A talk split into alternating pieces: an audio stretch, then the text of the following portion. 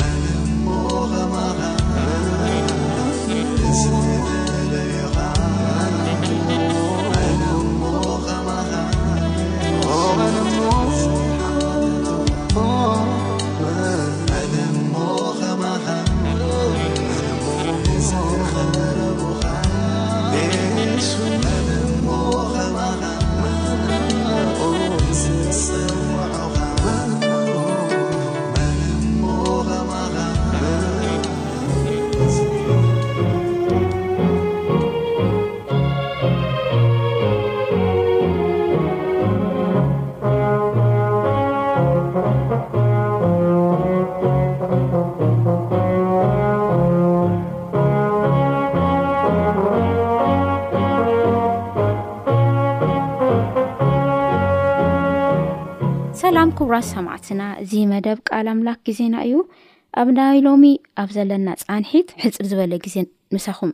ባህባን ንጸንሑ ናይ መጽሓፍ ቅዱስና ክፍሊ ዝርከብ ኣብ ትንቢት ኢሳያስ ምዕራፍ ኣርዓ ፍቕዲ ሰላሳን ሓደን ዘሎ እዩ ዝኸውን በዚ ሓሳብ እዚ ሓቢርና ክንጸንሕ ኢና እግዚኣብሄር ዘምህረና ነገር ምእንታን ክንምሃር ከዓ ሕጽር ዝበለ ጸሎት ገይርና ክንጅምር ኢና ንጸሊ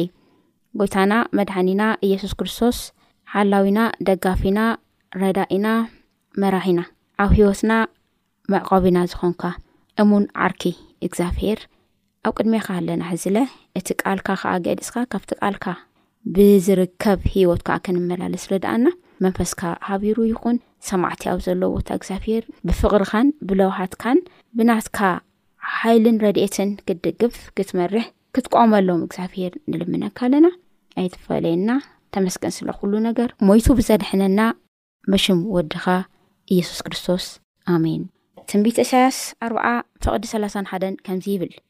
እቶም ንእግዚኣብሔር ዝጸበዩ ግና ሓይሎም ይሕደስ፣ ከም ንስሪ በኽናፍ ይድይቡ፣ ይጎዩ እሞ ኣይሕለሉን፣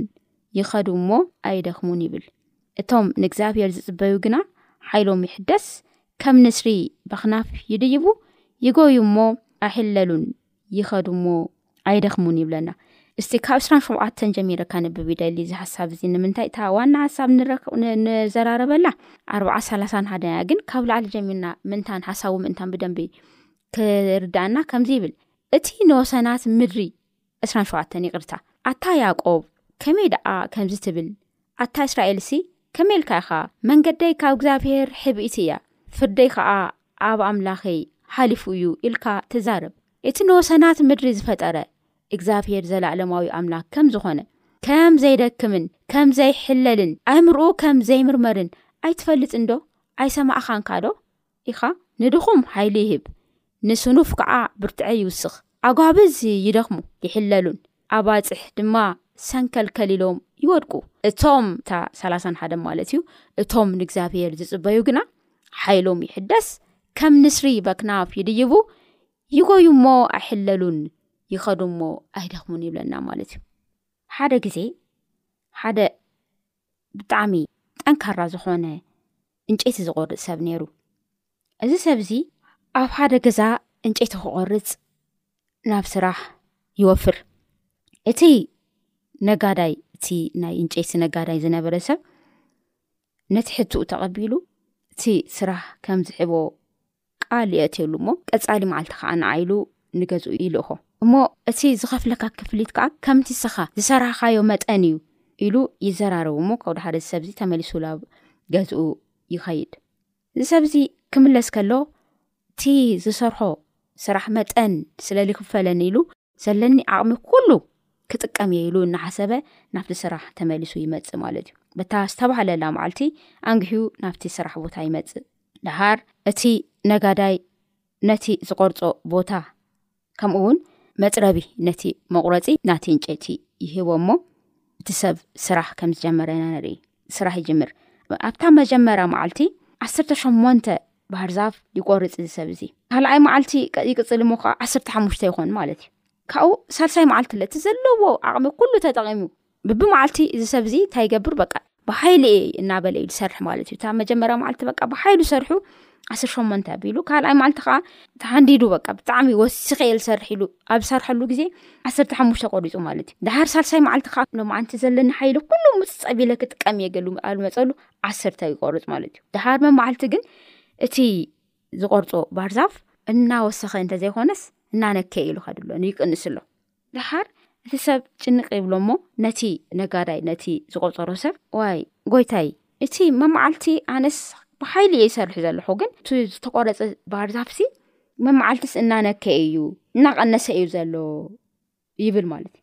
ካብኡ እቲ ከቁርፆ ነምፅእ ነጋዳይ እንታይ ኢሉ ንምዃኑ መዓዝ እዩ እቲ መፅረቢ ናትካስ ዝሰሓልካሲ መዓዝ እዩ ስሒልካዮ ዲኻ ይብሎ ማለት እዩ ካብኡ ዋ ኢሉ እዚ ሰብ እዚ ሓስብ ሞ ዋ ነዚ ባህር ዛፍ ኣብ ምቁራፅ ብጣዕሚ ቢዚ ኮይነ ብጣዕሚ በቃ ኣብኡ ትኩረተይ ስለ ዝገበርኩሲ እቲ መፅረብሲ ኣይሰሓልኩዎን ይብል ማለት እዩ ግዜ ኣይነበረንን ይብል ታና መጀመርያ መዓልቲ ዙ መፅረቢ ዝተሰሓለ እዩ ነይሩ ማለት እዩ ካብኡ ዝተላዕለ ዓሰርተ ሸሞንተ ከም ዝቆረፀ ንርኢ ኮይኑ ግን ብዘይተሰሓለ ወይ ከዓ ብዱልዱም ብዘይቆርፅ ነገር ትክክለኛ ውፅኢት ክርከብ ከም ዘይከኣለ ኢና ንርኢ ማለት እዩና ኮይኑ ግን መፅሓፍ ቅዱስና እዚ ከምቲ ዝረኣናዮ ከም ንስሪ ይብለና እሞ ንስሪ ንምንታይ እዩ ኣብዚ ቦታ እዚ መፅኡ እቶም ንእግዚኣብሄር ሲ ዝፅበዩ ሓይሎም ይሕደስ ይብል ማለት ንእግዚኣብሄር ዝፅበዩ ሓይሎም ይሕደስ ኣብ ዝብል ሓሳብ ንስሪ ንምንታይ እዩ ኣትዩ እስቲ ናይ ንስሪ ባህርያት ንረ ሓደ ኣዋዓዓላ ኣዋዓዓላ ንስሪ ንስሪ ሃማ ይነት ንሳ መሲልኩም ንስሪ ምስ ንስሪ እዩ ዝውዕል ምስ ርግቢት ወይ ከዓ ምስ እዞም ንኣሽቶ ዓዕዋፍ ገለ ኣይኮነን ዝውዕል ውዕሉኡ ዝገብር ኣበ እዩ ምስ ንስሪ እዩ ናብ ርኡ ምስ ንስሪ እዩ ካብኡ ዝተላዓለ ትሕት ኢሉ ምብራር ኣይፈትን ንስሪ ዓብ ላዓሊ ደይቡ ዓብ ላዓሊ ምብራር እዩ ዝፈቱ ማለት እዩ ስለዚ ሰብ እንታይ ይመስል ማለት እዩ ነቲ ዝውዓሎ ነቲ ሓቢርዎ ዘለ ሰብ እዩ ዝመስል ነቲ ዝሐልፎ ግዜ እዩ ዝመስል ማለት እዩ ምናልባት ኣውዓላና ነቲ ሂወትና ኣደልዲሞ ወይ ከዓ ከይቆርፅ ኣበላሽዎ ክኸውን ድልዱም ገይርዎ ክኸውን ይኽእል እዩ ማለት እዩ ወይ ከዓ እንደገና ከዓ ስሑል ብትክክል ዝቆርፅ እውን ክገብር ይኽእል እዩ ማለት እዩ መፅናዕቲ ከም ዘርኢ ተስዓን ሓሙሽተን ፐርሰንት ኣብ ላይፍና ዘሎ ነገር ካብ ንውዕለሉ ቦታ ኢና ንወስድ ዩ ዝብል መማዓልቲ ኣብ ንሐልፈሉ ቦታ እዩ እኒኦ እቲ ትምህርቲ ወይ ከዓ እቲ ናይ ህይወትና መቐየሮ ነጥቢ ማለት እዩ እና ሓደ ሓደ ግዜ ሓቢርናዮም ንውዕሎም ሰባት ከመይ ዝበሉ እዮም ዘፍርሱ እንተኮይኖም ፈሪስና ኢና ንቐሪ ማለት እዩ ከምዞም ከምዚ ዝበሉ ዓይነት ሰባት ክንርሕቕ መፅሓፍ ቅዱስና ይመኽረና ኣብቲ መወዳእታ ዘመን ዘጨንቕ ግዜ ክመፅእ ይብል ኣብ ጢሞቴዎስ ክንርኢ ከለና እቲ ዘጨንቕ ዘመን ግን ተግባራት ዝርዝር ይናገር ኣብቲ ዘጨንቅ ዘመን ዝነብሩ ሰባት ዝገብርዎም ነገር ማለት እዩ ካብኣ መወዳእታ እንታይ ይብል ከምዚ ካብ ልበሉ እንታይ ግበር ረሓቅ ይብል እስቲ ነንብቦ ካልኣይ ጢሞቴዎስ ምዕራፍ ሰለስተ ሓደ ጀሚሩ ኣብተን ዳሕሮት መዓልትታት ግና ክፉእ ዘመን ከም ዝመፅእ እዚ ፍለጥ ሽዑ ሰባት ፈተውቲ ርእሶም ክኾኑ እዮም እሞ ፈተውቲ ገንዘብ ተጃሃርቲ ዕቡያት ተፃረብቲ ንወለዶም ዘይእዘዙ ዘይማሰዩ ርኹሳት ፍቕሪ ንስድራ ቤቶም እኳ ዘይብሎም ተቐየምቲ፣ ሓመይቲ፣ ቀለልቲ፣ ጨካናት፣ ሰናይ ዘይፈትዩ፣ ኣሕልፎም ዝህቡ፣ ህዉኻት፣ ተፍክነንቲ፣ ካብ ንኣምላኽ ምፍቃርሲ ኣዕዚዞም ተድላ ዝፈትዩ፣ እቶም መልክዕ ኣምልኾ ዘለዎም ነቲ ሓይሉ ግና ዝኽሕድዎ፣ ናብ ኣባይቲ ህሩግ እናበሉ ሓጢኣት ዝመልአን ብብዝሒ ትምኒት ዝደፍኣን ኩሉ ሳዕ ዘምሕራ ናብቲ ፍልጠት ሓቂ ከይበጽሓ ግና ከቶ ዘይከኣለን ኣንስቲ ዝማርኹ ይብል እሞ ካብ እዚኣቶም እዮም እሞ ካብ እዚኣቶም ራሓቕ ይብል። እሞ ናይ ንስሪ ባህሪ ክንርኢ ከለና ንስሪ ኣበይ ሓምሊ ውዑል ይርኢ ስለዚ ናይና ህይወት ዝተመስረተ ኣበይ እዩ? ኣብቶም ዳሕረዎት መዓልቲ ዝመጹ ሰባት እንተኾይኑ ካብዚኣቶም ዓይነት ሰባት ክንርሕቕ ይነግረና ማለት እዩ። ምስኦም ክንሟገት ኣይኮነ፣ ምስኦም እዚ እዩ እዚ እዩ ክንብል ኣይኮነ። እግዚኣብሔር እንታይ ይብለና? ረሓቑ ይብለና። ባህሪ ኣብቶም ዳሕረዎት መዓልቲ ዘለዉ ሰባት ኣብዚ ተገሊጹና እኒኦ። ካብዚኣቶም እንታይ ግበሩ? ረሓቑ ይብለና። እቲ ናብራና፣ እቲ ኣበዓዕላና፣ ህይወትና ብብመዓልቱ ብምምሕያሽ ዝመጽእ ነገር፣ እዩ ስለዚ ኣብ ዙርያና ካብ ዘለዉ ሰባት ሰባት ክንመርፅ ቃል ኣምላኽ ይእዝዘና ሎማዓንቲ እዩ ብዘምህሩና ብዝመክሩና ናብ ፅቡቅ ናብ ፅቡቅ መንገዲ ዘርእዩና ሰባት ውዕሎና ክንገብር ሓሳባትና ኣብ ክኸው ማለት እዩ እንተዘይኮይኑ ግን ምጥፋእ እዩ እሞ ከም ንስሪ እቶም ንእግዚኣብሔር ዝፅበዩ ሓይሎም ክሕደስ እዩ ከም ንስሪ ክብል ከሎ ሓደ ከም ንስሪ እንተኮይንና ዓው ዓላና ወሳኒ እዩ እሞ ምስ መይኒና ንውዕል ዘለና እዚ ኣብ ልብና ክንሕዝኒየና ምስ እግዚኣብሔር መንፈስ ምስ ዘለዎም ሓሳብ እግዚኣብሔር ምስ ዝቅበሉ ሓጢኣት ንምስ ዝፀልኡ ክፉኣት ንምስ ዝፀልኡ ሰናይነት ጎይታ እናዘንተው ምስ ዝነብሩ ኣብ ዓላና እንተኮይኑ ናብራና እንተኮይኑ መንግስቲ ኣምላኽ ከም ናይኹም ከም እዚኦም ከም ዝበሉ ከም ዝኾነ ቃል ኣምላኽ ይነግረና እሞ ዓዋዕላና ክንምርምር እግዚኣብሔር ይደግፈና እቲ ካልኣይ ኣመጋገባ እዩ ንስሪ ኣብ በሪኽ ኣብ ላዕሊ ከይዱ ንክበርር ወይ ከዓ ነብሱ ጠንካራ ክኸውን ዝገበሮ ነገር ሓደ ኣመጋገባ እዩ ንስሪ ብተኣምር ተኣምር እንተተፈጢሩ ዝሞተ ነገር ኣይበልዕን ኩሉ ሻዕ ሓድሽ ትኩስ ዝኾነ ስጋ እዩ ዝበልዕ እሞ ሓናስ እቲ እንሰምዖ ነገር እቲ ኣብ ልብና ነንብሮ ነገር እንታይ እዩ ኣእምሮና ዝምገቦ ነገር ሎሚ እንታይ እዩ ናይ ኣካላዊ ምግቢ ኣይኮንና ኢና ንዛረባውዚ ኣካላዊ ምግቢ ባላ ወሳኒ እንተኾነ ግን ሰብ ከኣካላዊ ምግቢ ጥራይ ተሰርሐ ኣይኮነን ካብ ኣካላዊ ምግቢ ንላዕሊ እዩ ሰብ ስለዚ ኣእምሮና በዚ ግዜ እዚ እንታይ እዩ ዝምገብ ዘሎ ኣእምሮና ሓቂ ብዝኾኑ ሓደሽታ ብዝኾኑ ሓሳባት ብብመዓልቲ ክምላእ እኒዎ ብፍላይ ብፍላይ ብፍቕሪ ኣምላኽን ብፀግኡን ኣምላኽ ብዝገበረና ነገር ጎይታ ካብ ቃሉ ብዝሕበና ምግቢ ክንምዕብል ከምኡ እውን ብጸሎት ኣቢልና ምስ ኣምላኽ እናውጋኣና መንፈስና ብብማዕልቱ ክሕደስ ሓሳብ ኣምላኽ እዩ። ከምኡ ጌርና ነፍስና ጠጠው እንተዘየብልና ምድሪ ትጠፍእ ቀሪባ ኣላ ጥፋትና ከዓ ቀረባ እዩ ማለት እዩ እሞ ንመለስ ከም ንስሪ እንታይ ንምገብ ከም ደለና ንፍለይ ሎሚ ብዙሕ ንምገቦ ነገራት ዓለም ዘርጊሓ ኣላ ብብዙሕ መንገዲ ዝረኸሱ ነገራት ኣቕሪባ ኣላ ካብዚ ርክሰት እዚ ክንወፅእ ሎሚ እግዚኣብሄር ፃውዒት ኣቕርበልና እዩ እሞ ከም ንስሪ ንምገቦ ነገር ብብማዓልቲ ትኩስ ዝኾነ ነገር ነፍስና ዝሕድስ መንፈስና ዝሕድስ ካባና ሓሊፉ ንካልኦት ናብ ሂወት ዘምፅእ ክኸውን እግዚኣብሄር ፃውዒት የቕርብ ሽኡ ንኣይ ተኣማሚኖም ዝፅበዩ እንታይ ይገብሩ ሓይሎም ይሕደስ ይብለና ማለት እዩ ካልይ ኣረኣዩ ማለት እዩ ንስሪ ክርኢ ከሎ ካብ ሓሙሽተ ኪሎ ሜትር ርሕቐት ኮይኑ እዩ ዝርኢ ሕዚ ብዘይ ምንም ምዝናፍ ኣትኪሩ ነቲ ዝሪኦ ነገር ክርኢ ዝኽእል እንስሳ እዩ ንስሪ ማለት እዩ ንሓደ ከዓቲ ንኣረኣያ መስተንክራዊ ዝገሩ ነገር እንታይ ዩ መሲልኩም ይርኢ እሞ ሓንቲ ግዜ ምስ ረአየ ኣብ ዝርዩ ካልኦት ብዙሓት ነገራት መማረፂታት ወላ እንተቀሪቦም ነታ ዝረኣ ነገር እዩ ካይዱ ዝረክብ ማለት እዩ ነታ ዝረኣ ነገር እዩ ዝፅምት ናፍቲ ናውዚ ኣይብልን ሓንደፍተፋ ይብሊ ማለት እዩ እዚ ናይ ንስሪ ባህሪ ከም ዝኾነ ንርኢ ማለት እዩ እና ትኩረት ይገብር ትኽኢሉ ንሓንቲ ነገር ተሪኡ ናብኣዩ ዝበርር ወይ ከዓ ናብኣዩ ቀጢሉ ዝኸር ማለት እዩ ብተኣምር መማረፂታት ካልኦት ካልኦት ንኣብነት ሕዚ ዝኾነት ሓደን ሓዲኑ ክበልዕ እንተደልዩ ምናልባት እዛ ዝርኣ እንስሳ ንእሽተን ክትከውን ትኽእል እያ ኣብ ዙርኡ ከዓ እንምዳቅ ካልኦት ዓበይቲ ዓበይቲ እንስሳታት ክመፁ ይኽእሉ እዮም ብተኣምር ግን ነቶም ኣብ ዙርኡ ለሎ ካልኦት ኣይኮነ ንርኢ ነታ ዝርኣ እንስሳ እዩ ጠሚቱ ካይዱ ዓልኢሉ ሂዙ ዝካድ ማለት እዩ ስለዚ ትኩረት ወሳኒ ከምዝኾነ ትኩረት ወሳኒ ከም ዝኾነ ትኩረት ዘይብሉ ሰብ ልክዕ ከምቲ ዘይተሳሃለ መጥረቢ ከም ዝኸውን ሎ እዩና ንርኢ ማለት እዩ ስለዚ ትኩር እንዳርና ሓይልና ከይባክን ይገብር እዩ እቲ ትኩረት ማለት እዩ ቀሊል ውፅኢት ማለት ብቀሊሉ ውፅኢት ሃማ ክንከውን ከዓይገብረና ማለት እዩ ስለዚ ትኩረት ዘይብሉ ህይወት ከይንነብር ክንርኢ ይግባኣና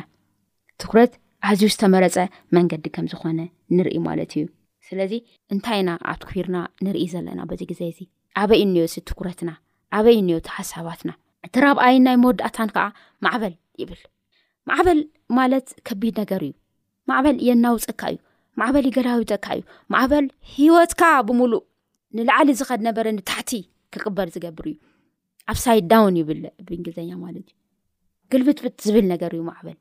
ቀሊል ኣይኮነን ግን ንስሪ ባህሪ ንስሪ ኣብ ማእኸል ማዕበል ኣብ ማእኸል ሕቦብላ ኣብ ማእኸል ነፋስ እንታይ ገብሩ መሲልኩም ካልኦት እንስሳታት ነዚ ማዕበል እዚ ጎዮም ከምልጡ ኣብ ከውሒ ኣብ ገለ ኣብ ገለ ኣብ ገለ ከብኡ ከሎ ንስሪ ብልዕሊ እቲ ማዕበል ይኸር ማለት እዩ ብዘይ ምንም ኣክናፉ ብዘይ ምንቅስቃስ ብዘይ ምርግብጋብ እንታይ ይገብር ናብ